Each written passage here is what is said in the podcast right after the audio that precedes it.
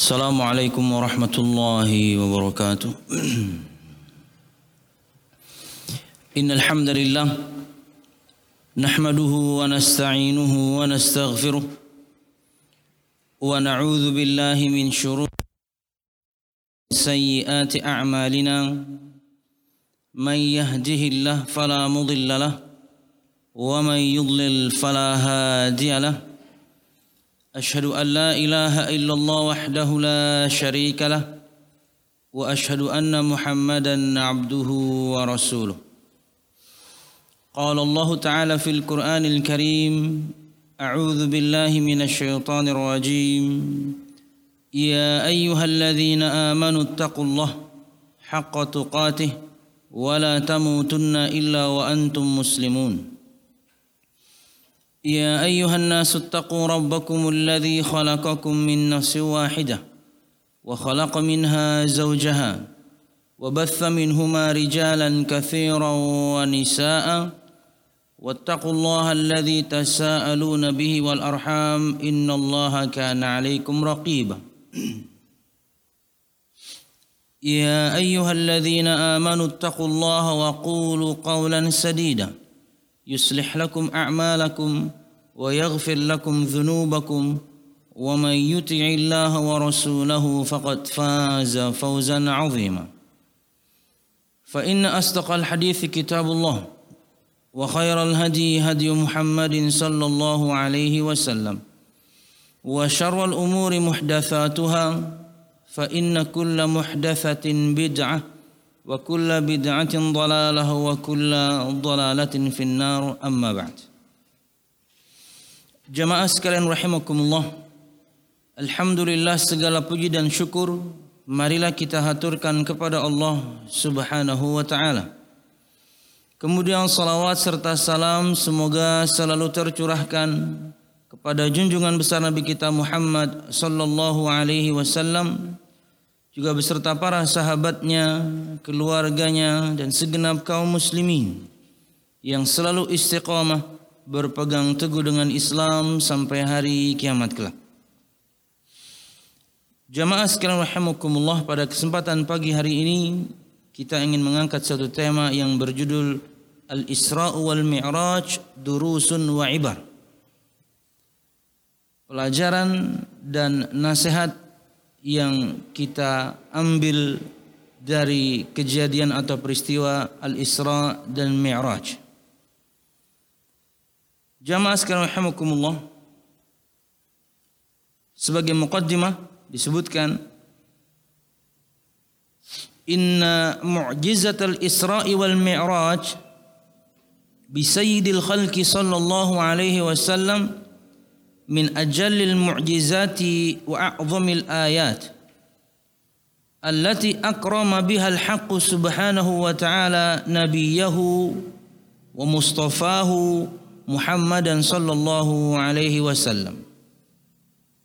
فلم تكن هذه الرحلة المباركة حدثا عاديا بل كانت تكريما إلهيا وعطاء ربانيا لرسول الله صلى الله عليه وسلم. بعد أن أصابه من أذى المشركين ما أصابه فصبر وصابر وتحمل ما تتحمله الجبال الرواسي Sesungguhnya mukjizat Al-Isra dan Mi'raj, Al-Isra dari kata bahasa Arab Sara Yasri berjalan di malam hari. Al-Isra untuk Nabi kita Muhammad sallallahu alaihi wasallam adalah beliau diperjalankan dari Makkah Al-Mukarramah ke yang dari Masjidil Haram di Makkah ke Masjidil Aqsa di Palestina. Dan Mi'raj dari kata bahasa Arab araja ya'ruju artinya naik dan Mi'raj adalah ismul alah alatnya layaknya tangga untuk mencapai yakni langit Allah Subhanahu wa taala. Isra Nabi Muhammad sallallahu alaihi wasallam beliau diper, yani diperjalankan menggunakan burak. Kita akan sebutkan nanti hadisnya.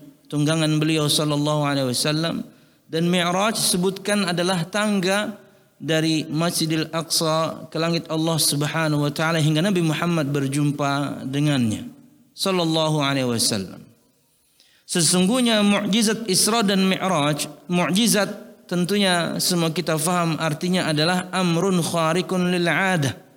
Satu perkara yang luar biasa. Kadang datang dengan tantangan, kadang tidak dengan tantangan.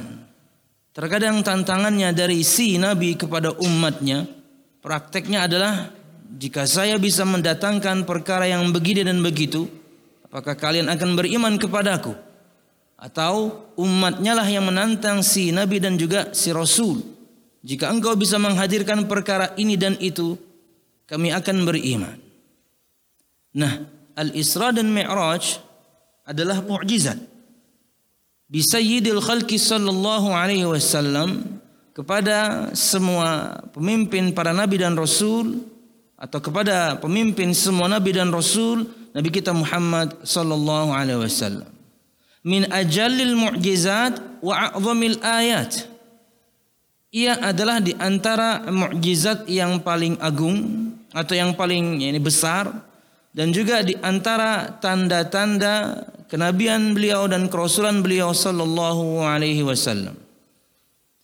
Mukjizat Nabi Muhammad terbesar tentunya Al-Qur'an dan setelahnya adalah Al-Isra dan Al-Mi'raj. Allati akrama biha al-haqq subhanahu wa ta'ala nabiyahu.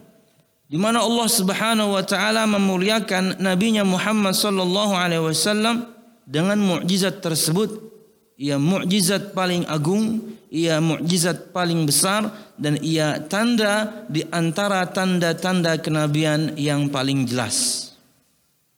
Karena kita tahu bahwasanya perjalanan seharusnya di masa itu dari Mekah ke Palestina itu memerlukan waktu satu bulan dan Nabi kita Muhammad sallallahu alaihi wasallam hanya dengan menempuhnya hanya dengan satu malam saja. Bahkan itu bukan cuma Isra Mekah Palestina, tapi plus ke langit. Falam takun hadhihi rihlah al-mubarakah hadatsan adian. Maka tidaklah perjalanan ini adalah kejadian yang biasa. Bal kanat takriman ilahiyan wa ata'an rabbaniyan. Sebaliknya, ia adalah bentuk penghormatan Allah Subhanahu wa taala dan juga karunia dari Allah Subhanahu wa taala untuk Nabi kita Muhammad sallallahu alaihi wasallam. Ba'da an asabahu min adzal musyrikin ma asabahu. Setelah Nabi Muhammad wasallam menimpa beliau semua musibah yang telah menimpa beliau dari gangguan orang-orang musyrikin dan tentunya juga kesedihan-kesedihan sebelumnya yang beliau alami hingga Allah Subhanahu wa taala berikan yakni kegembiraan dengan memberangkatkan memperjalankan Nabi kita Muhammad sallallahu alaihi wasallam. Fasabara wa sabara wa tahammala ma la tatahammaluhu al-jibalur rawasi. Maka Nabi Muhammad bersabar dan terus bersabar dan beliau yakni mampu mengemban semua yakni cobaan itu di mana gunung-gunung yang kokoh dan mantap pun niscaya tidak bisa mengemban musibah yang Nabi Muhammad sallallahu alaihi wasallam hadapi. Karena memang yakni ketika ditanya kepada Nabi kita Muhammad sallallahu alaihi wasallam ayun nasi asyaddu balaan qala qala al anbiya wahai rasul siapakah manusia yang paling berat ujiannya maka kata Nabi Muhammad wasallam para nabilah yang paling berat ujiannya. Dan kita tahu bagaimana beratnya ujian Nabi kita Muhammad sallallahu alaihi wasallam. ولعظم هذه المعجزة سجلها رب العزة وخلدها بقرآن يتلى آناء الليل وأطراف النهار dan karena agungnya mukjizat ini Allah Subhanahu wa taala mencatatnya Allah Subhanahu wa taala yakni mengekalkannya termaktub dalam Al-Qur'anul Karim dibaca ia di malam hari dan juga di akhir siang karena semua kita membaca firman-firman Allah Subhanahu wa taala akan hal ini di antaranya dalil yang berikut kita akan sebutkan. Fa'an mu'jizatil Isra'i wa uh, fa'an mu'jizatil Isra' yaqulu ta'ala fi sadri suratil Isra' dan berkaitan dengan mukjizat Al-Isra' belum kita bahas Al-Mi'raj kita akan sebutkan di hadis bahkan disebutkan 16 sahabat yang meriwayatkan hadis berkaitan dengan Al-Mi'raj. Artinya ia adalah hadis yang mutawatir. Apa itu hadis mutawatir? Hadis yang diriwayatkan oleh 10 sahabat lebih. Dan terjadi di setiap generasi periwayatan di mana mustahil mereka untuk berkumpul untuk membuat satu kedustaan. Artinya hadisnya yakni pastilah derajatnya sahih karena jenisnya mutawatir. Dan di antara eh, dan dan tentang mukjizat Al-Isra ini yaitu diperjalankannya Nabi Muhammad sallallahu alaihi wasallam dari Masjidil Haram di Mekah ke Masjidil Aqsa di Palestina. Allah Subhanahu wa taala berfirman di awal surah Al-Isra, A'udzu billahi minasyaitonir rajim. Subhanalladzi asra bi'abdihi lailan minal masjidil haram ila al-masjidil aqsa alladzi barakna hawlah linuriyahu min ayatina innahu huwas samiul basir. Maha suci Allah Subhanahu wa taala yang telah memperjalankan hambanya dengan ruhnya dan jasadnya dan Nabi Muhammad dalam keadaan sadar. Mahasiswa Allah subhanahu wa ta'ala yang telah memperjalankan hambanya bukan ruhnya saja. Hambanya bukan dalam mimpi.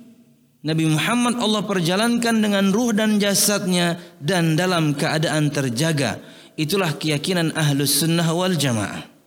Karena kalau misalnya yang diperjalankan hanya ruhnya saja, apa utamanya kalau begitu Nabi kita Muhammad SAW? Kalau kemudian diperjalankan dalam mimpi, apa utamanya Nabi kita Muhammad SAW? Karena ia nyatalah dia dipergikan, diperjalankan dengan ruh dan jasadnya dalam dan dalam keadaan terjagalah menjadi keutamaan untuk Nabi kita Muhammad sallallahu alaihi wasallam. Karena seharusnya Mekah Palestina biasanya di masa itu ditempuh de, dengan uh, ditempuh selama satu bulan Nabi Muhammad SAW hanya satu malam. Dan nanti kita akan sebutkan bagaimana orang di masa itu mereka murtad. Karena mengukur kejadiannya dengan akal hingga mereka tidak percaya dan murtad. Itulah kenapa di beberapa pertemuan yang lalu kalau pian ingat kita bahas bahkan kita masih dalam pembahasannya yaitu di antara keistimewaan akidah ahlus sunnah wal jamaah pemeluknya mereka punya prinsip at-taslim berserah diri pasrah. Berkaitan tentang apa? Berkaitan tentang perkara-perkara yang gaib yang tidak masuk nalar kita. Tidak bisa kita mengindranya. Tidak dengan penglihatan tidak dengan pendengaran Isra dan Mi'raj di antara kejadian yang gaib untuk kita dan mustahil sebenarnya terjadi. Tapi karena Allah berfirman tentangnya, Nabi Muhammad bersabda tentangnya, maka kita memiliki prinsip at-taslim, berserah diri, pasrah. Pasti sahih karena Allah yang uh, uh, bercerita tentangnya dan juga Nabi Muhammad SAW bersabda tentangnya. Masya Allah Subhanahu wa taala yang telah memperjalankan hambanya di malam hari dari Masjidil Haram di Makkah ke Masjidil Aqsa di Palestina yang kami berkahi sekitarnya bahkan sampai sekarang keberkahan itu terjadi. Kita tahu bahwasanya minyak zaitun ini salah satunya saja di antara keberkahan di sekitarnya adalah pepohonan dan buah-buahannya.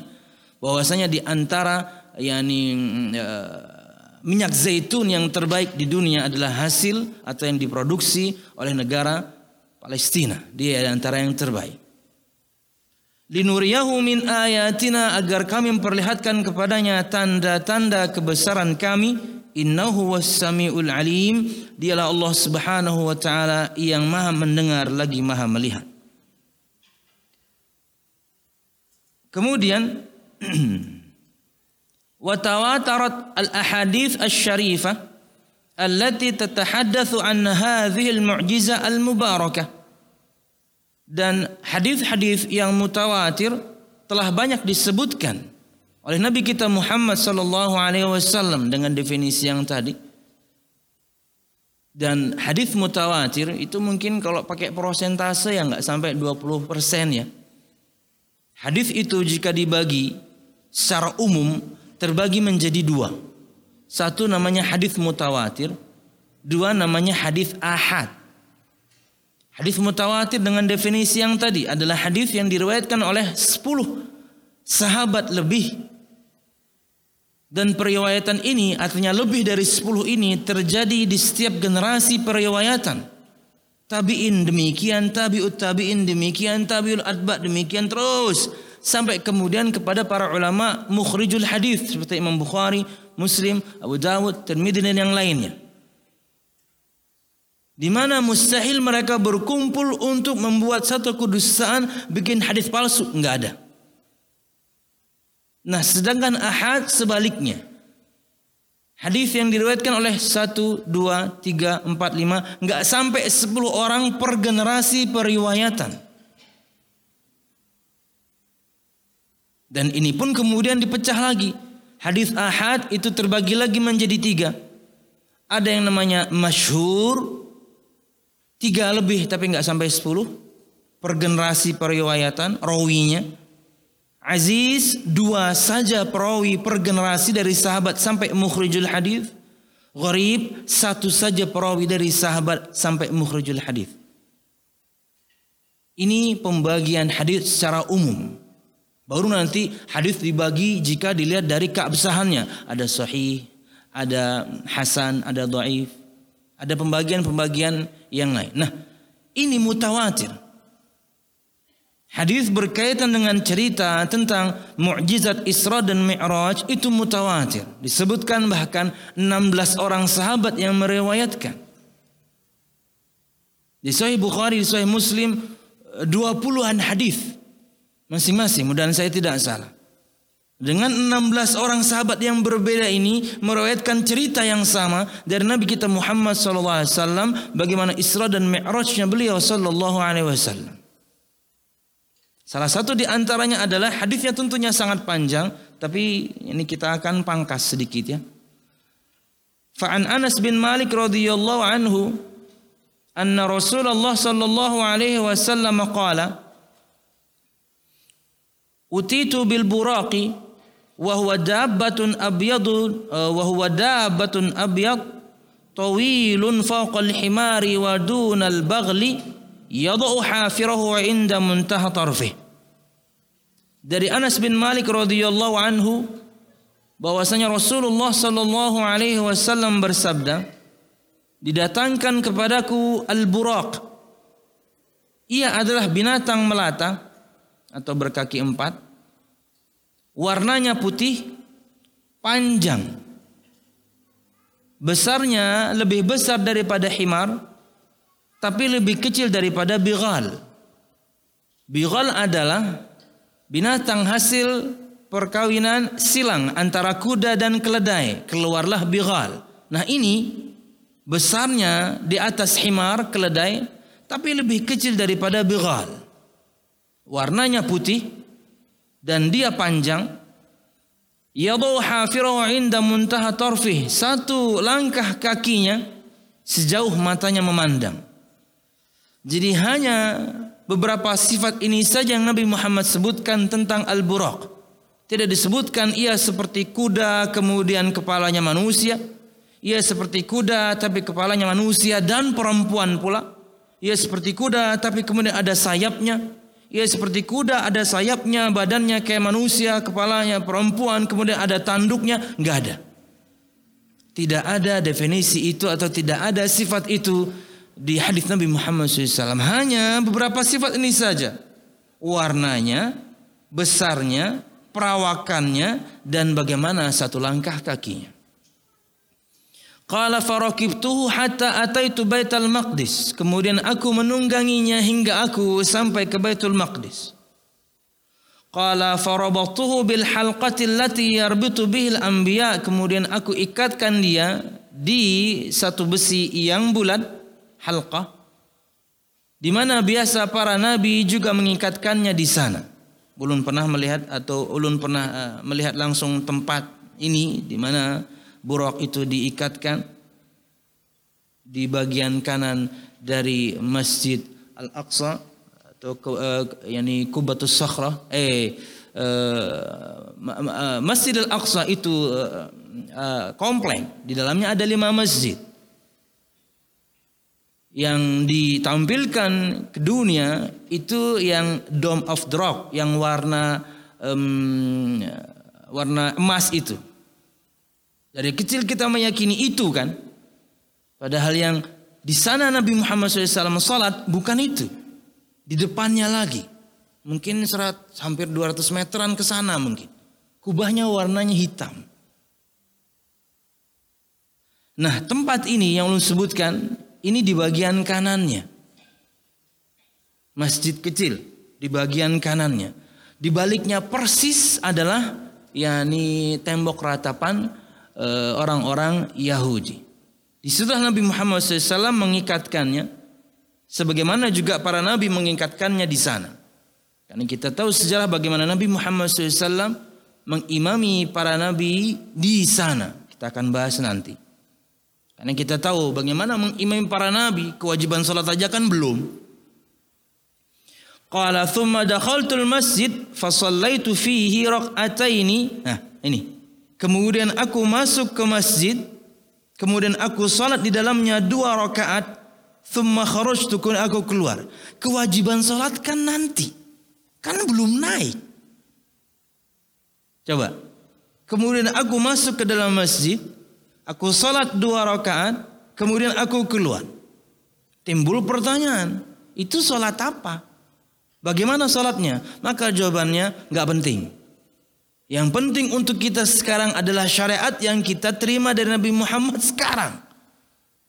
Yaitu ketika nanti cerita ini selesai, Nabi Muhammad diwajibkan kepada beliau untuk umatnya untuk salat sehari lima waktu Hari berikutnya kemudian hari berikutnya lah kemudian Jibril mengajarkan tata caranya. Subuh ya di waktu subuh dia ajarkan, zuhur ya demikian, asar juga dan seterusnya. Salat dengan cara tertentu. Mengimami para nabi juga tentunya dengan cara tertentu yang tidak disebutkan detailnya untuk kita. Kenapa tidak disebutkan? Berarti nggak penting untuk kita ketahui. Ya. Kemudian aku keluar. Faja'ani Jibril. Kemudian Jibril mendatangiku alaihi salam. Bi ina'in min khamrin wa ina'in min labanin. Kemudian Jibril datang kepadaku membawa dua ina. Kita terjemahkan dengan gelas deh. Bukan bejana ya. Atau bisa baskom, bisa mangkok ya. Yang satu berisi khamar, yang satu berisi susu. Fakhtartul laban, maka aku memilih susu. Faqala Jibril ikhtartal fitrah maka Jibril mengatakan kepadaku engkau telah memilih sesuatu yang sesuai fitrah manusia. Apa itu? Susu. Di mana di dalam Al-Qur'anul Karim bahkan permisalan susahnya berbuat ikhlas beramal ikhlas karena Allah Subhanahu wa taala permisalan Al-Qur'anul Karim sebutkan luar biasa detail. Yaitu apa? Seperti murninya susu yang keluar dari seekor binatang di mana di dalam perutnya susu itu di antara kotoran dan daging. Tapi subhanallah ia keluar susu murni dan bermanfaat untuk tubuh. Tentunya bermanfaat untuk anak si binatang bahkan bahkan untuk kita manusia. Sampai seperti itu permisalan susahnya untuk berbuat ikhlas. Ingin beribadah ada saja gangguan. Ingin dibicarakan orang, ingin dilihat orang, ingin diperdengarkan bagaimana indahnya ibadah kita, bagaimana rajinnya ibadah kita, bagaimana rutinnya ibadah kita. Wah, macam-macam godaan untuk kemudian menghasilkan satu amal yang ikhlas lillahi ta'ala. Susu. Kemudian, Thumma عَرَجَ bina ila sama fastaftaha Jibril. Kemudian, yakni Jibril naik bersamaku ke langit Allah Subhanahu wa taala. Kemudian Jibril minta bukakan pintu langit faqila man anta. Kemudian dikatakan kepadanya siapa kamu? Zahirnya berarti penjaga pintu nggak tahu siapa ini kan? Ya. Bisa jadi dia sejak diciptakan dia menjaga pintu langit. Sama seperti sabda Nabi Muhammad SAW, Ati abu ati babal jannah fa astaftihu. Aku nanti di akhir di, di, di, di akhir uh, zaman Aku akan mendatangi pintu surga dan aku akan minta bukakan. Kemudian penjaga pintu surga, faqala al-khazinu man anta. Kemudian penjaga pintu surga mengatakan, "Siapa kamu?" Zahirnya berarti penjaga ini nggak tahu nggak tahu siapa nabi kita Muhammad. Di antara keterangannya adalah bahwasanya sangat mungkin sejak mereka diciptakan, ya cuma jaga pintu. Dia bukan malaikat yang kemudian warawiri di dunia hingga tahu ini si Muhammad sallallahu alaihi wasallam nggak tahu. Aku Muhammad. Oh, bika umirtu Allah aftaha li ahadin qabla. Aku adalah Muhammad. Oh, hanya untuk kamulah aku diperintahkan untuk membukakan pintu ini dan tidak membukakannya kepada siapa pun sebelum kamu. Sallallahu alaihi wasallam. Nah, Jibril minta bukakan, kemudian dikatakan kepadanya, "Siapa kamu?" Dia berkata, "Saya Jibril." Kemudian dikatakan, "Siapa yang bersamamu?" Dia adalah Muhammad. Dan dia telah diutus Fafutiha lana fa idza ana bi Adam farhaba bi wa da'a li bi khairin. Kemudian dibukakan untuk kami pintu yang pertama. Kemudian di sana ada Nabi Adam alaihissalam dan dia menyambut kami dan dia berdoa kebaikan untukku. Di sinilah kemudian hadisnya ulun potong karena di setiap tingkatan langitnya ketemu dengan berbagai ketemu dengan yakni para nabi dan rasul sebelum beliau ulun skip langsung kepada inti bahasan perintah salat. Ma fa salatan fi kulli yawmin wa laylah. Maka Allah Subhanahu wa taala mewahyukan kepadaku salah satu cara datangnya wahyu kepada Nabi Muhammad SAW itu seperti ini. Kita tahu wahyu itu datang caranya macam-macam. Di antaranya di dalam mimpi, terkadang suara lonceng yang keras beliau dengarkan, kemudian setelah itu beliau ditiupkan ada kemudian beliau tahu wahyu Allah. Tiga, beliau ditiupkan wahyu Allah ke relung hati beliau, jawaban-jawaban, ini fatwa-fatwa. Kemudian yang keempat, bertemu dengan Jibril dalam bentuk aslinya. Lima, bertemu dengan Jibril tapi dalam jelmaan manusia. Enam, ini bertemu dengan Allah Subhanahu wa taala langsung tapi tentunya ditutupi oleh tirai cahaya. Maka Allah mewahyukan kepadaku yang Allah Subhanahu wa taala wahyukan. Apa itu? Allah mewajibkan kepadaku 50 yakni salat dalam sehari semalam. Fanazaltu ila Musa sallallahu alaihi wasallam. Maka kemudian aku turun ke Nabi Musa alaihissalam di tingkatan tertentu kala itu beliau bertemu dengan Nabi Musa alaihissalam. Faqala ma rabbuka ala ummatik. Wahai Muhammad, apa yang Tuhan mewajibkan kepada umatmu? Qultu khamsina salatan. Aku menjawab, Allah fardukan untuk umatku 50 salat. Qala kemudian Musa alaihissalam berkata, "Irji ila rabbik fas'alhu takhfif fa inna ummataka la yutiquna dhalik. Kembalilah kepada Tuhanmu, mintalah kepadanya keringanan karena sesungguhnya umatmu tidak mampu untuk 50 salat itu. Ya, lima saja terlayur. Fa inni qad balautu bani Israel wa khabartuhum. Karena sesungguhnya aku telah yakni mengkhabarkan kepada Israel dan mereka nggak mampu. Artinya di antara umat yang terbanyak selain umat Nabi Muhammad itu umatnya Nabi Musa alaihissalam. Ketika mereka diberikan kewajiban juga dan disampaikan Nabi Musa alaihissalam, umatnya nggak mampu. Nabi Musa tahu kita juga umat Nabi Muhammad nggak mampu. Naik, minta keringanan. Qala faraja'tu ila rabbi faqultu ya rabbi khaffif ala ummati fahatta anni khamsan. Kemudian aku kembali kepada Tuhanku Allah Subhanahu wa taala. Kemudian aku mengatakan wahai Tuhanku, ringankan untuk umatku kewajiban salat tersebut. Kemudian Allah Subhanahu wa taala meringankan untuk umatku lima salat. Jadi masih empat lima nih. Masih banyak. Faraja'tu ila Musa faqultu hatta anni khamsan. Kemudian aku kembali kepada Nabi Musa dan mengkhabarkan kepadanya diringankan untukku lima salat. Qala inna ummataka la yutikuna dzalik farji ila rabbika fas'alhu takhfif. Sesungguhnya umatmu tidak akan mampu dengan salat itu 45 salat. 5 salat aja telayur. Umatmu tidak akan mampu untuk yang telayur tadi dari saya bukan dari Nabi Musa ya. Eh, sesungguhnya umatmu tidak mampu untuk itu. 45 salat. Kembali kepada Tuhanmu minta kepadanya keringanan lagi. Qala falam azal arji baina rabbi tabaraka wa ta'ala wa baina Musa alaihi salam hatta qala ya Muhammad innahunna khamsu salawatin kulla yawmin wa laylah likulli salatin ashrun fadhalika salatan Kemudian masih saja aku bolak-balik kepada Tuhanku dan kembali kepada Musa. Balik naik lagi turun dikurangi lima naik lagi naik lagi tuh kurangi lima turun naik. Terus kata Nabi Muhammad SAW masih saja aku mondar mandir atau bolak-balik naik turun kepada Tuhanku dan ketemu Musa. Disuruh minta keringanan naik lagi diringankan lima turun lagi. Begitu terus hingga Allah Subhanahu Wa Taala berfirman wahai Muhammad sesungguhnya ia adalah lima salat saja, lima waktu. Sehari semalam, setiap salat setara dengan sepuluh, maka ia sama seperti lima puluh salat. Kemudian ulun potong lagi, masih banyak riwayat berikutnya. Qala fanazaltu hatta intahaitu ila Musa fa akhbartu fa qala irji ila rabbika fas'al fas'al tarfi. Kemudian aku turun Kemudian bertemu dengan Nabi Musa lagi. Dan aku kabarkan kepadanya bahwasanya ia lima salat masih saja Nabi Musa alaihissalam mengatakan kembali ke Tuhanmu.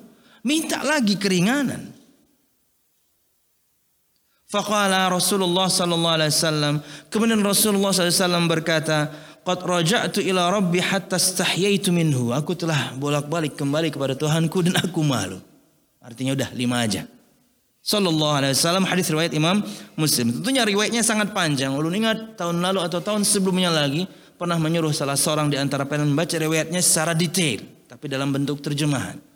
Jadi ini ulun pangkas ya, karena ini inti ceritanya. Wallahu alam bisawab.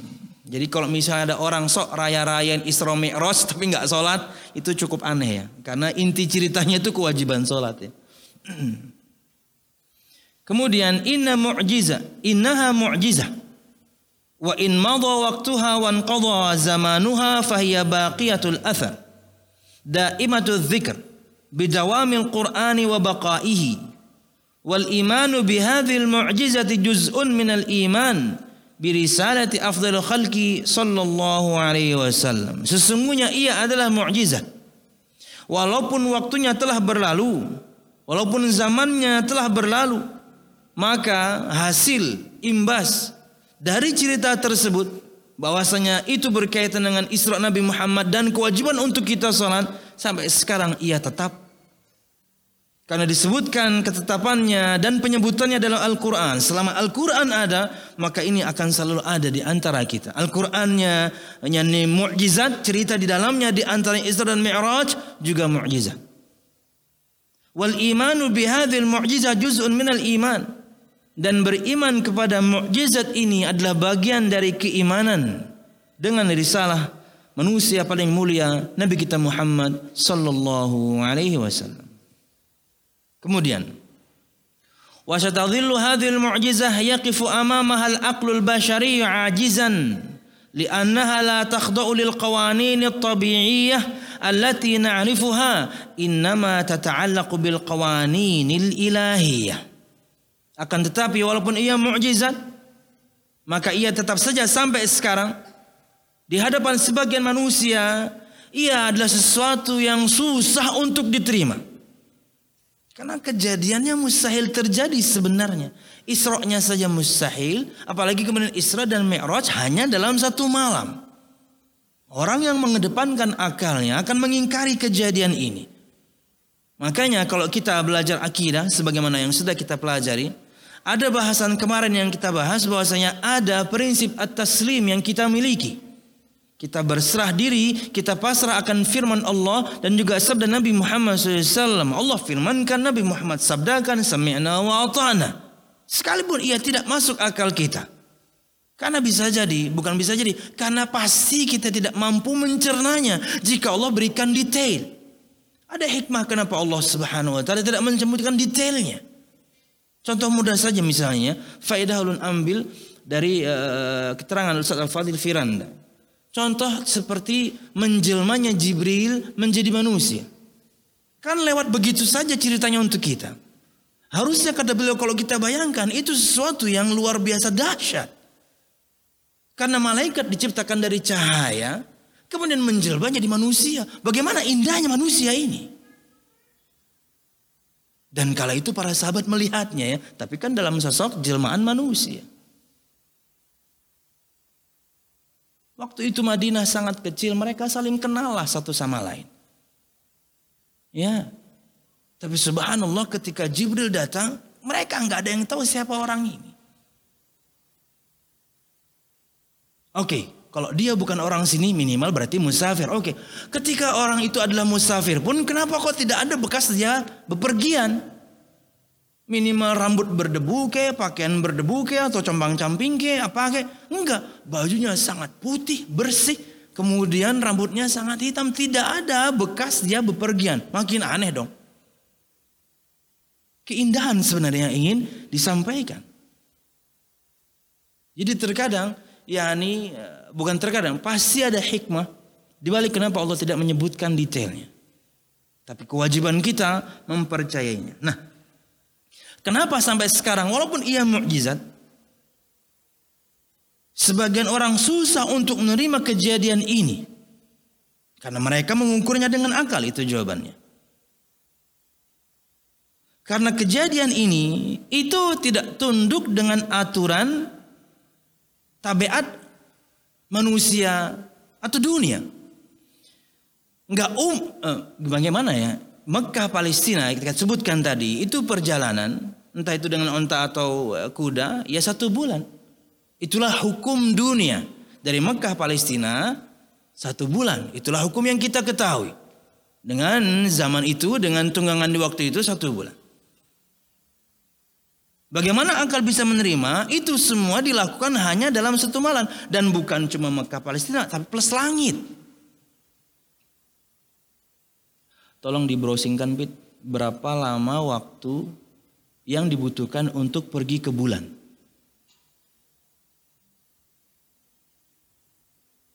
Kalau kita katakan bulan itu di langit pertama. Sambil jalannya li'annaha la takhda' lil qawanin at-tabi'iyyah karena kejadian ini tidak tunduk atau tidak mengikuti konun hukum at-tabi'iyyah tabiat natural. Bagaimana alam ini berputar berjalan. Maka Palestina ya sebulan. Ini kok cuma satu malam?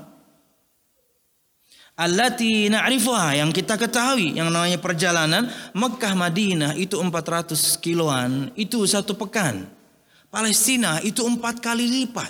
Berarti kan ya satu bulan. Berapa bit? Berapa?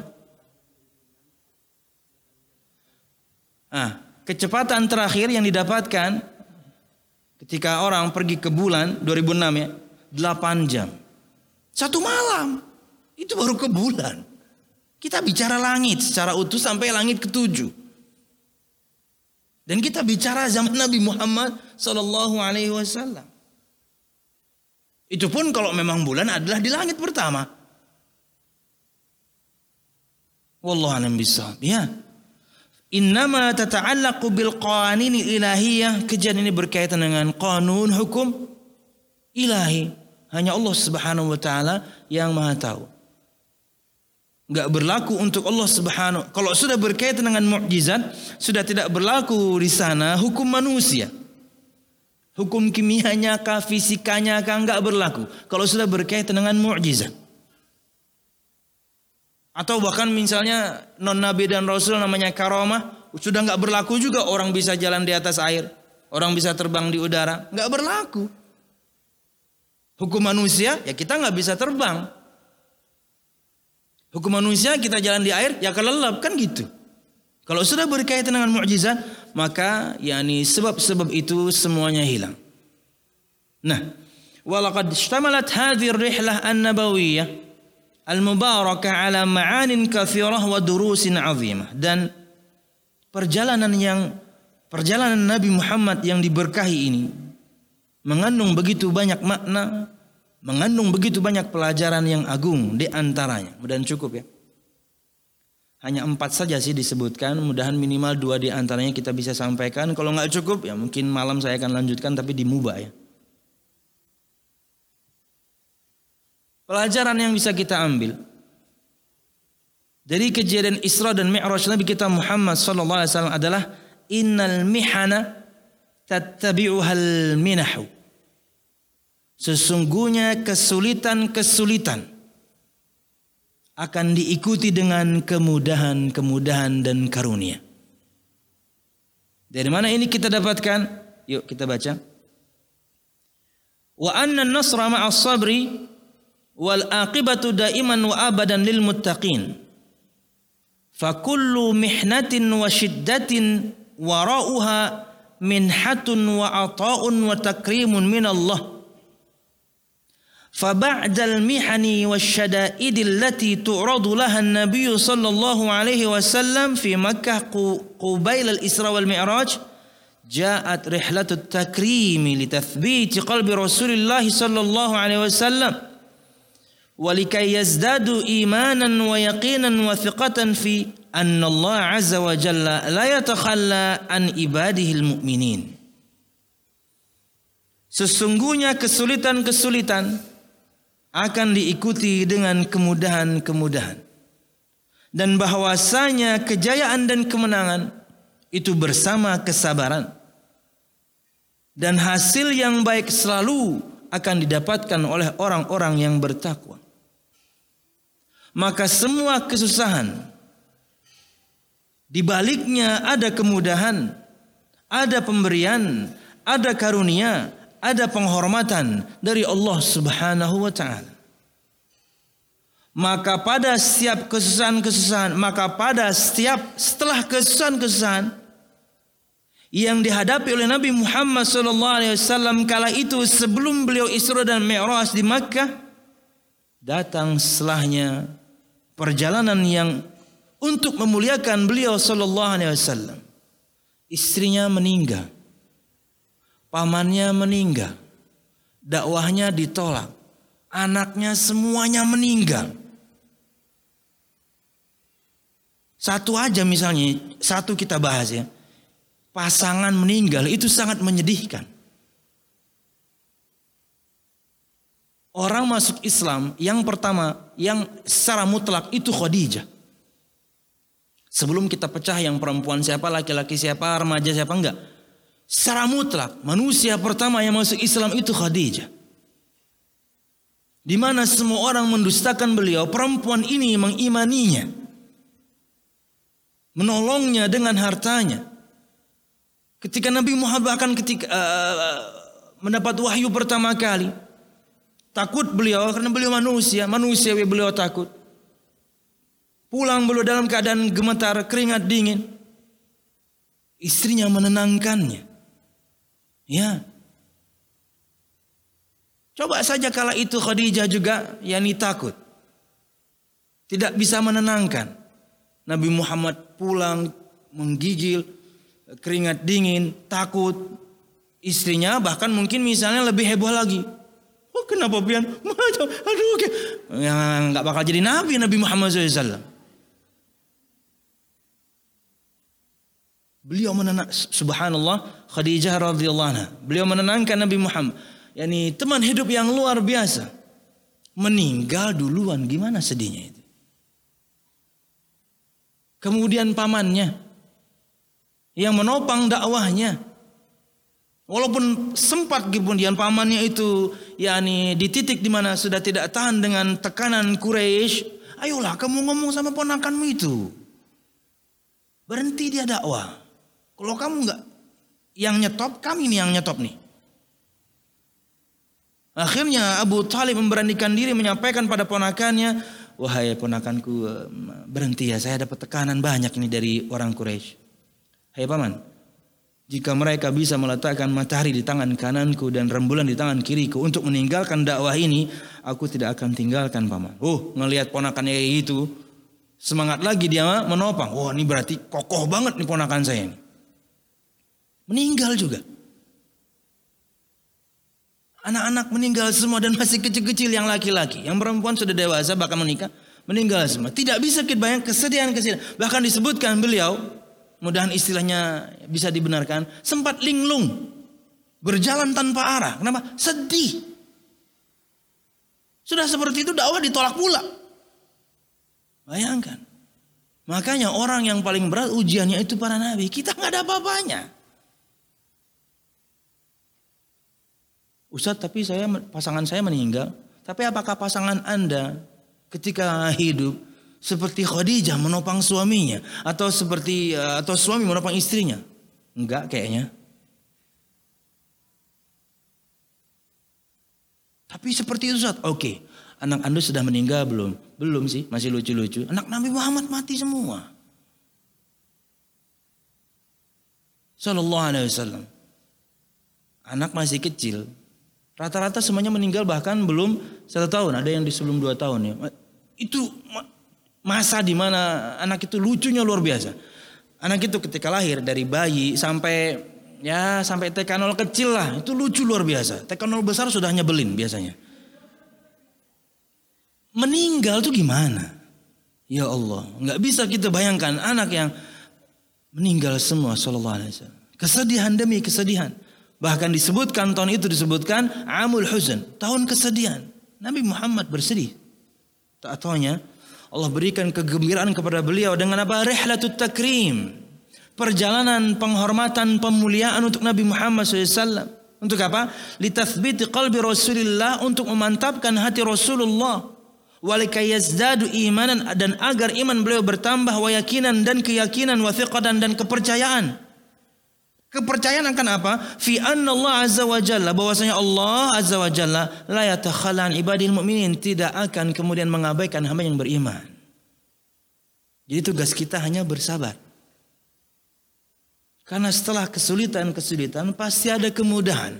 Setelah kesedihan pasti ada kebahagiaan. Innamal usri yusra wa innamal usri yusra. Kesusahan itu diapit dengan dua kebahagiaan. Sabar saja hadapi. Hati kita sabar untuk tidak bergumam, lisan kita sabar untuk tidak mengumpat, anggota tubuh kita sabar untuk tidak berbuat sesuatu yang merugikan kita atau orang lain. Dapat musibah malah bunuh diri. Dapat musibah malah cakar-cakar wajah. Dapat musibah. No, sabar. Setelah kesedihan ini akan ada kebahagiaan. Setelah kesulitan ini akan ada kemudahan. Itulah ibrah pelajaran yang bisa kita ambil dari kejadian Isra Mi'raj Nabi Muhammad SAW. Kita lanjutkan. جاءت معجزة الإسراء والمعراج في وقت فقد فيه الرسول الناصر من الأهل والعشيرة فقد فقد أم المؤمنين السيدة خديجة بنت خويلد التي كانت بمثابة النصير الداخلي فكانت تخفف عنه صلى الله عليه وسلم ما يلاقيه من صناديد الكفر. وأيضا كان أبو طالب عم رسول الله يدفع عنه الأذى بعلو مكانته بين القبائل ورفعة شأنه. فكان بمثابة النصير الخارجي في التخفيف عنه صلى الله عليه وسلم خارج البيت. Datang mukjizat mukjizat Isra dan Mi'raj ini di waktu Nabi Muhammad SAW kehilangan para penolong beliau luar dan dalam dari keluarganya. Beliau kehilangan istri beliau Ummul Mukminin Khadijah radhiyallahu anha di mana dia adalah penolong Nabi Muhammad internal beliau yang mensupport beliau dari dalam. Sikis beliau sallallahu alaihi wasallam menenangkan Nabi Muhammad SAW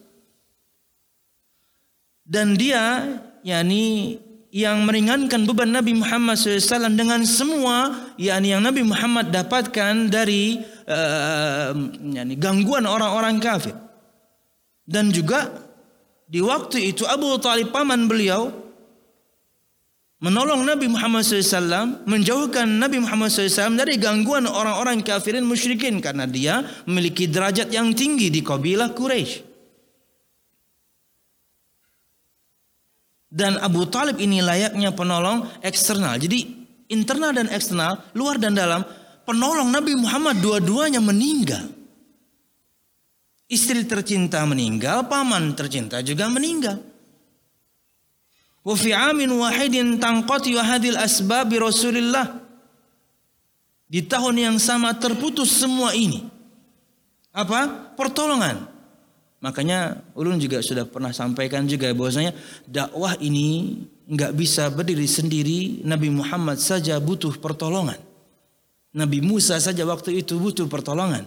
Minta kepada Allah agar Allah juga mengutus saudaranya Harun untuk yakni menopang dakwah beliau karena Harun lebih fasih berbicara daripada saya dan agar dia kemudian membenarkan apa yang saya sampaikan. Karena saya takut bahwasanya umat saya akan mendustakan saya, manusiawi. Nabi Musa minta pertolongan kepada Allah agar diutus bersamanya saudaranya juga. Nabi Muhammad SAW penolongnya orang terdekatnya. Jamaah sekalian di tahun yang sama semua sebab-sebab pertolongan ini terputus. Wa summiya hadzal am bi amil huzn. Tahun ini bahkan dinamakan dengan tahun kesedihan. Kan kita tahu di waktu itu ya eh, tahun-tahun disebutkan dengan eh, kejadian-kejadian tertentu. Di antaranya kelahiran Nabi Muhammad kan namanya tahun gajah karena kejadian itu. Dan ini namanya tahun kesedihan. Wallah bisa. Kemudian, haitsu faqada fi Oke, ini cuma satu doang ya. Apa? Haitsu faqada fi Rasulullah sallallahu alaihi wasallam man yuhawinu alaihi al-masaib wa yukhaffifu anhu al-alam. Di mana Nabi Muhammad kehilangan orang-orang yang meringankan untuk beliau musibah, meringankan untuk beliau semua sakit istrinya di rumahnya meninggal, di luar pamannya juga meninggal.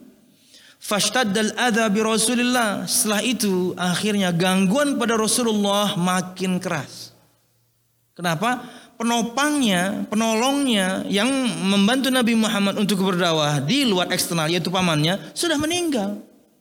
Waktu itu Quraisy itu cuma gak enakan doang. Mereka sudah rencanakan mau bunuh kok. Cuman ada Abu Talib nih. Eh, sekarang Abu Talibnya sudah mati. Waduh, enak nih. Fashtaddal adha Rasulillah. Maka gangguan makin keras eh, menimpa Rasulullah SAW. Walaqa min ahli Makkah malaqa dan Nabi Muhammad mendapatkan apa yang mendapatkan dari ahlu Makkah. Ingat cerita sampai beliau ketika sholat. Itu orang-orang bikin challenge. Ayo siapa yang berani? Itu ketika si Muhammad sholat. Eh, lemparkan padanya, tumpukkan padanya paparutan bahasa kita atau jeroan binatang dan juga kotorannya. Ayo, bayangkan i, e, paparutan. Pian pernah lihat nggak? Kalau misalnya Idul Kurban isinya binatang tapi bukan kambing, sapi, uh, gede banget. Tempat buat kotorannya tuh loh, itu besar sekali. Apalagi plus paparutannya, apalagi kemudian plus, apalagi misalnya onta, misalnya waktu itu onta ya kita nggak tahu atau misalnya beberapa papaurutan dan beberapa jeroan dan kotoran. Karena disebutkan Nabi Muhammad sampai tidak bisa mengangkat kepalanya. Sujud, ditimpakan itu semuanya jebret sampai nggak bisa ngangkat, bayangin. Berarti kan sangat berat. Kalau cuman jeroannya ayam sedikit, wah tetelan doang nih, kan ringan aja ya. Enggak semuanya. Subhanallah. Wa fi wasti hadhihi dhurub al-asibah wal mihan al-qasiyah wa jafawah min ahli Makkah tujah sayyidil khalqi tatajalla inayatul haqqi munadiyah. Maka di saat yang seperti ini, kondisi seperti ini, kesulitan yang luar biasa keras, sikap yang luar biasa kasar ahli Makkah kepada beliau sampai level itu, Ya. Disebutkan anaknya waktu itu di antara yang membersihkan Nabi Muhammad SAW Asma dan saya tidak salah. Adalah pokoknya yang membersihkan Nabi. Itu sampai nangis ya. Sampai menangis. Apa memang harus seperti ini? Abah dakwah itu. Uh, Nabi Muhammad masih berbaik sangka. Dakwah saya pasti akan diterima nanti di Taif. Di Taif begitu juga subhanallah. Makanya kalau misalnya dakwah nih untuk ulun dan pian ya semuanya juga mungkin berdakwah ya. Kalau cuma dinyinyirin orang gitu ya. Cuman ada orang yang komen miring gitu ya. Apalagi yang punya akun juga akunnya fake ya. Fake akun ya. Jadi nggak usah dihiraukan. Dakwah kita masih sangat ringan. Di masjid ini ditolak, nggak apa-apa. Di musola itu ditolak, nggak apa-apa. Masih banyak masjid lain dan musola lain yang juga menolak. Maksudnya yang nerima masih ada, santai aja. Dakwah kita nggak ada apa-apanya dibandingkan Nabi Muhammad dan para sahabat radhiyallahu anhu ajmain. Dalam kondisi yang seperti ini, bagaimana yakni kesulitan demi kesulitan, kesedihan demi kesedihan dan bagaimana sikap kerasnya ahlu Makkah kepada beliau? Allah Subhanahu wa taala memberikan tasriyah, memberikan kegembiraan dengan seruan yaitu untuk kata Allah munadiyah eh, Eh, tatajalla inayatul hakim munadia. Ketika kondisi seperti ini, datang seruan dari langit mengatakan aqbil ilal ula ya sayyidal haq. Yuk sini. Yuk datang ke sini ke langit. Bayangin. Aqbil ilal ula. Datanglah ke ketinggian maksudnya ayo datang ke langit. Sini. Ya sayyidal haq. Ya ya sayyidal khalq. Hai yakni penghulu semua umat manusia. Ayo ke langit. Jadi dapat undangan untuk berjumpa dengan Tuhan. Setelah begitu banyak kesedihan demi kesedihan, kesenangan Allah berikan. Inka inkana qad jafaka ahlul ardi faqad habbaka ahlus sama. Jika penghuni bumi, penduduk bumi kasar sikapnya kepadamu, jangan takut. Kenapa? Penghuni langit mencintaimu. Ayo sini. In kana qad a'rada anka al ahlu ahlu syaqa qad faraha bika ahlun naqa. Jika orang-orang yang celaka itu menolakmu, menolak dakwahmu, tidak perlu khawatir. Penghuni langit Allah Subhanahu wa taala yang suci, mereka bahagia menjumpaimu. Farhabika, mereka senang untuk berjumpa denganmu, enggak usah takut. Bagaimana enggak bahagia? Diberitakan berita seperti ini dari Allah Subhanahu wa taala. Faja'at mu'jizatul Isra wal Mi'raj tafrijan lil karbi wa syarhan lis sadri wa tasriyah anir rasulil akram wa takriman lahu wa li ummatihi. Maka datanglah mukjizat Isra dan Mi'raj mengeluarkan Nabi Muhammad dari kesusahannya, melapangkan untuk Nabi Muhammad hatinya, memberikan kesenangan pada Nabi Muhammad SAW dan memuliakan Nabi Muhammad SAW dia dan umatnya karena ini mukjizat terbesar setelah Al-Quranul Karim. Ini faedah pertama yang bisa kita ambil. Bahwasanya bersama kesulitan-kesulitan atau sesungguhnya kesulitan-kesulitan tersebut akan mengikuti setelahnya kemudahan, kebahagiaan, kesenangan. Ini yang Nabi Muhammad alami. Itulah yang juga insya Allah kita akan dapatkan. Setelah begitu banyak kesusahan dalam banyak hal, Nabi Muhammad bersabar. Ketika di Taif, Nabi Muhammad itu dapat tawaran loh oleh malaikat penjaga gunung. Kalau Nabi Muhammad mau, saya akan timpakan dua gunung ini ke mereka. Biar hancur lebur, biar mampus, biar rata sama tanah sekalian. Ingin diluruskan, ingin didakwahi, ingin dikenalkan kepada Tuhan Yang Maha Esa, malah melempari batu. Kan kurang ajar ya. Tapi subhanallah, Nabi Muhammad SAW bersabar. Sambil mengusap wajahnya yang berlumuran darah karena kepalanya bocor. Zaid yang kala itu berusaha menghalangi batu-batu yang datang itu pun kepalanya bocor. Nabi juga manusia.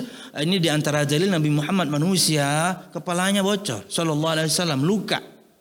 Lalu siapa anda kemudian kok punya ilmu kebal itu siapa? Nabi Muhammad bocor sambil mengusap darah yang bercucuran dari kepalanya ke wajahnya dengan mengatakan jangan.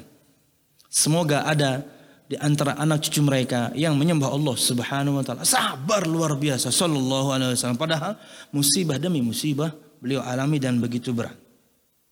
Kemudian Ja'at rihlatul Isra wal Mi'raj ala maw'idin min Rabbil alamin liyakhtar sayyidina Muhammad sallallahu alaihi wasallam دون سائر الخلق ليكرمه على صبره وجهاده وتحمله المحن وليخاطبه دون واسطة ومن غير حجاب وليطلعه على عوالم الغيب وهذه نعمة عظيمة ومنحة كريمة ما وراؤها منحة وهذا درس عظيم لكل مسلم يتعرض لشدة أو أو تصيبه منحة أو كرب فإذا صبر وتحمل الشدائد فلا شك أن الله سيكرم سيكرمه بالعطاءات الإلهية والمنح الربانية.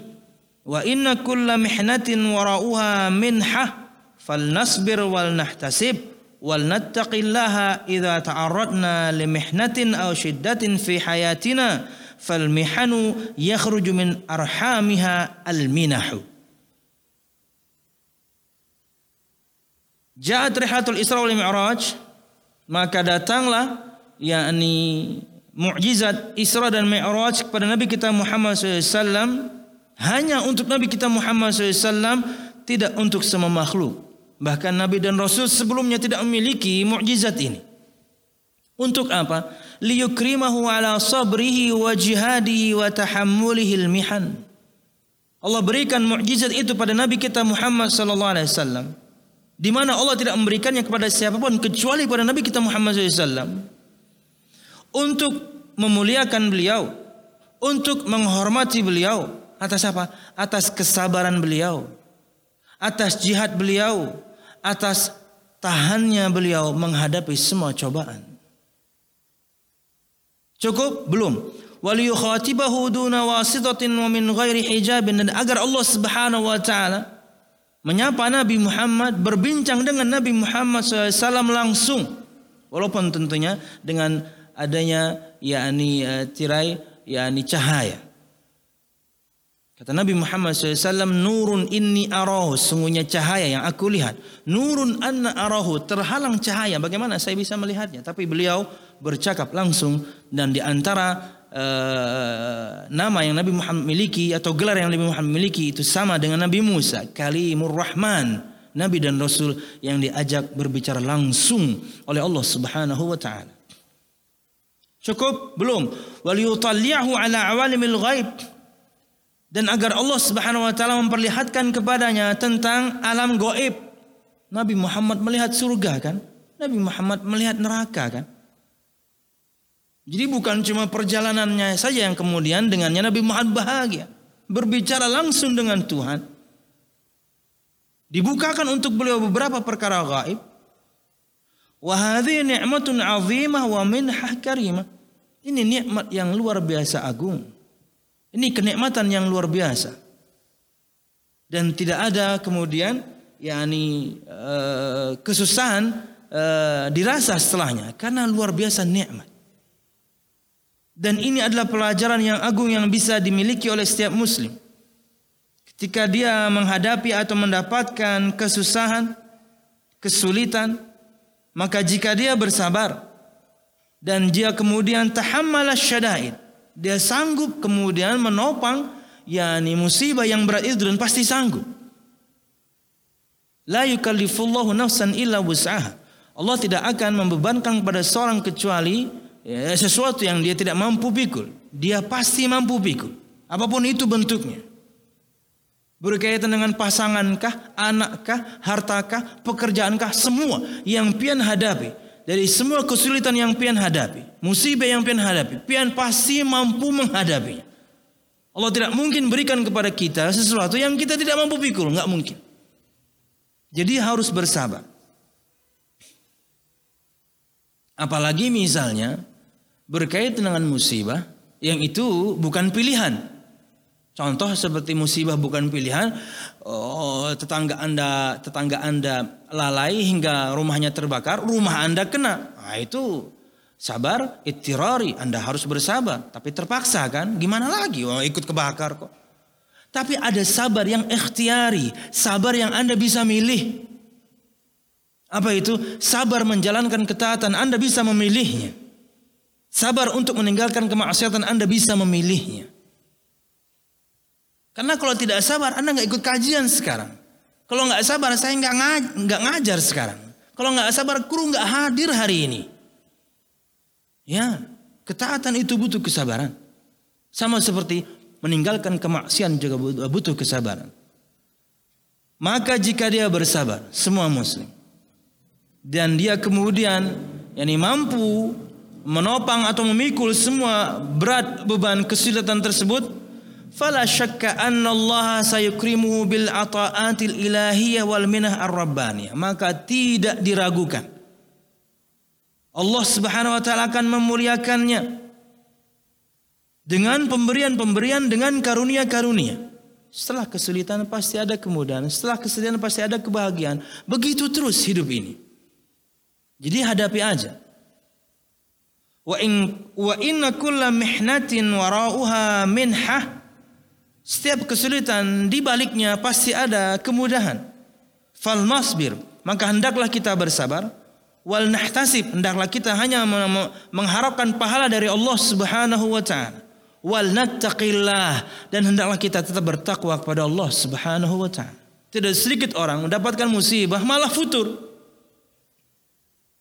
Gak sabar dia menjalankan ketaatan padahal itulah ujiannya.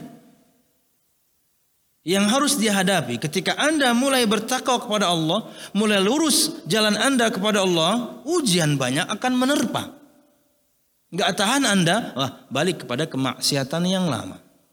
Hendaklah kita bersabar, mengharap pahala hanya kepada Allah, bertakwa kepada Allah ketika kita mendapatkan yakni musibah atau cobaan atau ujian yang berat. Bedanya cuma dua ya. Ujian dan cobaan dan musibah itu patokannya adalah ketaatan atau kemaksiatan sebelum perkara berat itu terjadi. Ya. Ketika sebelumnya diawali dengan kemaksiatan kepada Allah, maka ia bisa kita katakan musibah dan azab. Tapi ingat, di saat yang sama ia pelebur dosa, maka bersabarlah. Tapi jika sebelumnya perkara yang berat yang Anda hadapi, Anda menjalankan ketaatan kepada Allah Subhanahu wa taala, maka berarti ia adalah ujian dan cobaan. Tidak ada kemaksiatan sana sini, tidak ada kemaksiatan satu pekan ini misalnya, sebulan setahun. Tapi ada ujian berat. Ah berarti itu betul. Ada, perkara berat yang pian hadapi. Berarti itu ujian. Jadi patokannya adalah ke kemaksiatan dan ketaatan sebelum perkara berat itu terjadi. Ketaatan sebelumnya berarti ia ujian. Kemaksiatan sebelumnya berarti itu azab dari Allah. Tapi ingat di saat yang sama ia adalah pelebur dosa. Wallahu alam bisa. Fal mihanu yakhruju min arhami hal minah. Maka kesulitan-kesulitan dari rahimnya akan keluar begitu banyak kemudahan. Bersabarlah dan hadapi semuanya dengan pengharapan pahala dari Allah Subhanahu wa taala karena orang-orang yang bersabar akan mendapatkan pahala tanpa hisab dari Allah Subhanahu wa taala. Dan kita pasti bisa menghadapi semuanya. Dan semua kita merasakan di tiga tahun terakhir ini semua kita merasakan. Berat memang semuanya untuk kita ini pandemik ini tapi buktinya Anda masih hidup kan? Ya, walaupun mungkin terseok-seok. Ulun kemarin aja muter-muter sama kru juga nyari minyak nggak dapat. Ya cukup susah juga ya nyari minyak. Akhirnya ya kita pencetin jerawat, kumpulin ya. Karena itu minyak ya. Uh, mungkin hari ini kita cari lagi, insya Allah dapat lah ya. Subhanallah. Tapi masih hidup kita, iya. Kereda minyak, panggang ya kalau. Kereda minyak, bikin pais ya kalau. Iya. Masih hidup kita sampai sekarang dengan begitu banyak kesulitan di tiga tahun terakhir. Bersabarlah dan pahala menanti di sisi Allah Subhanahu wa taala. Wallahu alam bisawab. Uh, ini yang bisa ulun sampaikan sementara. Ada tiga faedah lagi tentunya yang ingin sampaikan tapi masing-masing uh, cukup panjang. Ulun tidak ingin memotong-motongnya. Mungkin pekan depan masih bahasan nih nggak apa-apa. Soalnya nanti malam kita bahas yang lain aja. Ini untuk ibu-ibu aja. Wallahu alam bisawab. uh, ini bisa saya sampaikan jamaah uh, dan bermanfaat untuk semua kita bahwasanya setiap kali ada kesulitan yang kita alami, kita hadapi, menerpa, ingatlah setelah itu pasti ada kemudahan, kebahagiaan, kesenangan menanti.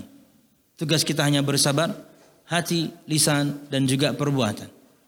Kita pasti mampu menghadapinya dan kita akan mendapatkan begitu banyak karunia dan anugerah dari Allah Subhanahu wa taala setelahnya. Wallahu a'lam bishawab.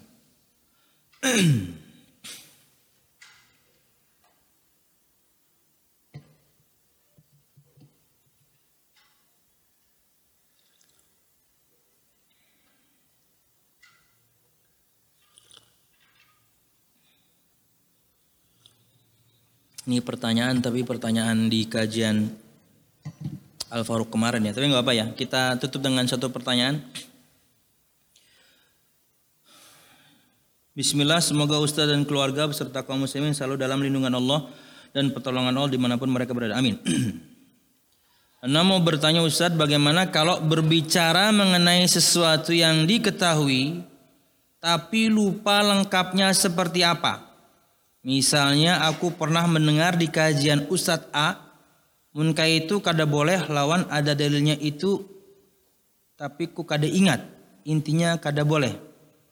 Apa lebih baik diam saja? Lebih baik diam. Anda nggak yakin dengan yang Anda ingat.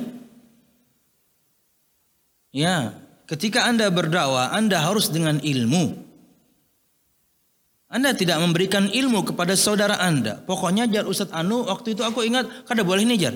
Apa dalilnya? Jangan-jangan kemudian Anda salah mendengar. Maka jika tidak mendapat, eh, jika hafalan Anda tidak sebagus itu, tidak sekuat itu, diam akan lebih baik. Tapi kalau misalnya gitu ya, apalagi di zaman sekarang, si ustadznya masih hidup atau videonya masih ada, ini kayaknya pernah disampaikan Ustadz Fulan. Ayo kita tonton sama-sama yuk. Ah kan bisa. Kemudian akhirnya nuntut ilmu bersama karena Anda lupa. Daripada Anda menyampaikan pokoknya dan pokoknya tak taunya Anda salah. Anda bisa jadi salah faham. Firman Allahnya Anda lupa, sabda Nabi Muhammadnya Anda lupa, Anda hanya datang dengan hasil. Pokoknya nang kayak ini, seingat aku, jadi Ustaz Anu kada boleh, nggak bisa. Anda harus datangkan burhan, Anda harus datangkan dalil, Anda harus datangkan yakni ilmu kepada dia karena Anda sekarang sedang berdakwah. Dakwah itu harus dengan ilmu. Itulah dakwah Nabi Muhammad dan semua kita pengikut Nabi Muhammad harus berdakwah dengan ilmu. Maka untuk kasus seperti ini lebih baik Anda diam dulu. Anda bisa merujuknya, merujuk catatan Anda dan Anda bisa temui teman Anda daripada kemudian Anda berbicara tapi tanpa ilmu dan kemungkinan salahnya sangat sangat besar ya. Allah yang bisa.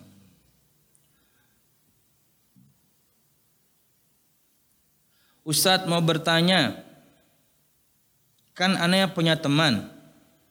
Boleh saya memutuskan pertemanan Ana dengan dia Ustadz. Alasannya dia suka ngambil uang Ana. Wah, kayak gini masa harus bertanya ya? Walaupun belum pernah sampai ketahuan, cuman misalnya walaupun belum pernah sampai ketahuan. Oh, cuman misalkan saya seperti nginep di rumah dia atau nginep di rumah teman lain bareng dia, pasti ada kehilangan uang Ustadz. Hmm. Bahkan Ana pernah nginap di rumah teman bareng dia malamnya sebelum tidur Ana sempat berpikir pasti pas bangun pas ada uang yang hilang. Dan pas Ana bangun beneran hilang uang total 20 ribu sampai 30 ribu. Antum berteman dengan maling ini ya. Dan teman anak pun pernah juga Ustadz nginep di rumah dia cuman berdua gitu. Kata teman anak dia bilang uang dia juga hilang padahal malamnya masih sekian pas balik ke rumah dia malah duitnya kurang. Bahasa Anda tolong dirapikan juga ya. Saya bacanya pusing ya, tapi saya paham. Tapi Ana dan teman Ana juga kehilangan kami tetap dia aja. Oh itu gimana tuh bahasanya tuh? Aduh. Uh, Oke. Okay. Kalau misalnya ada ghalabatul zon, ada zon yang kuat, prasangka yang kuat, bahwasanya teman Anda ini berbuat, konfrontir aja. Ya,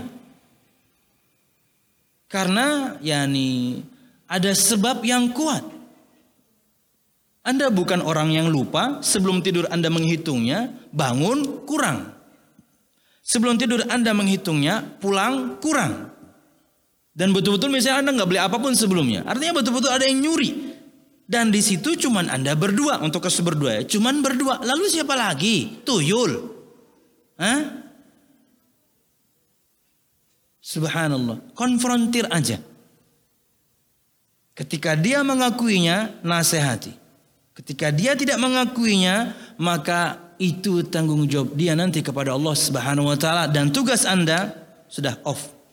Ya daripada hati Anda kotor terus nanti. Wallahu a'lam bishawab. Dan dulu waktu di pesantren ya, itu ada uh, santri dia suka nyuri uh, apa apa namanya kleptomania. Dia dia suka ngumpulin.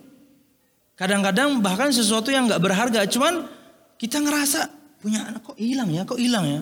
Totonya dia cuma ngumpulin. Artinya yang berharga itu nggak dia jual, semuanya tetap ada.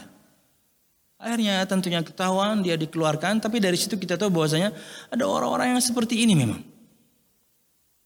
Sakit sebenarnya. Tidak sampai kepadanya firman Allah sabda Nabi Muhammad akan ancaman yakni mencuri. Wallahu a'lam Dan itu sebuah kezaliman. Dan akan memberikan kegelapan kepada Anda nanti di hari kiamat. Gelap, betul-betul gelap. Anda sangat butuh cahaya kelak. Anda akan melewati jembatan Eh, lebih eh, disebutkan lebih tajam daripada pedang, lebih tipis daripada rambut. Kalau cahaya menerangi Anda enggak besar, gimana Anda akan melewatinya? Besar aja mungkin susah. Jangan zalim kepada orang lain, apalagi zalim berkaitan dengan kepada sama anak manusia.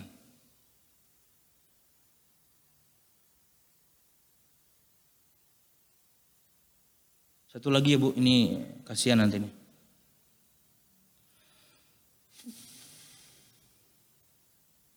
Assalamualaikum Waalaikumsalam. Bagaimana cara berwudu saat berpuasa? Maksudnya gimana? Ya, wudu seperti biasa. gimana?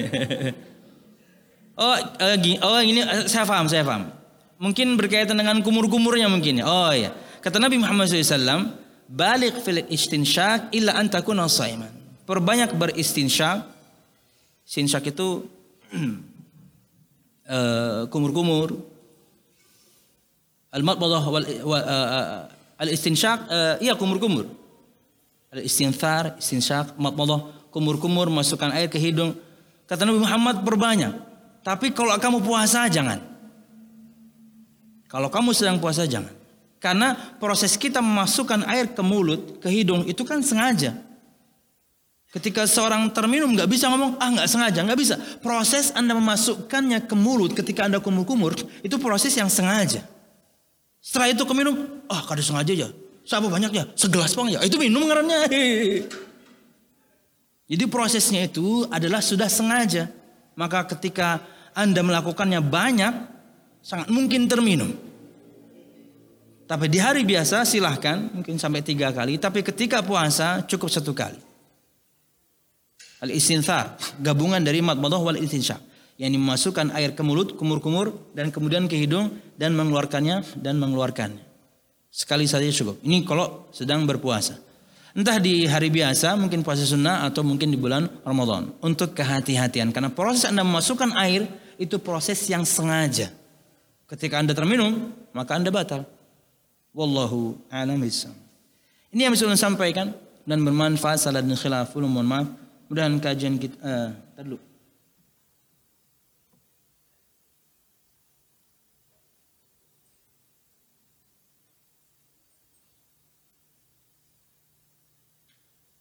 Terakhir ya bu, terakhir bu. Tadi janjinya satu, tadi jadi empat ya, nggak apa ya. Bismillah, permisi. Wah, mau lewat nih orang nih. Luar biasa ya adabnya. Permisi. ya silakan. Terkait ayat Allah tentang kesyirikan.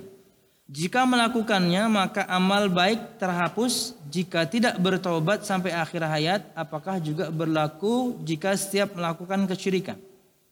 Jika bertobat apakah amal tersebut kembali lagi selama belum meninggal?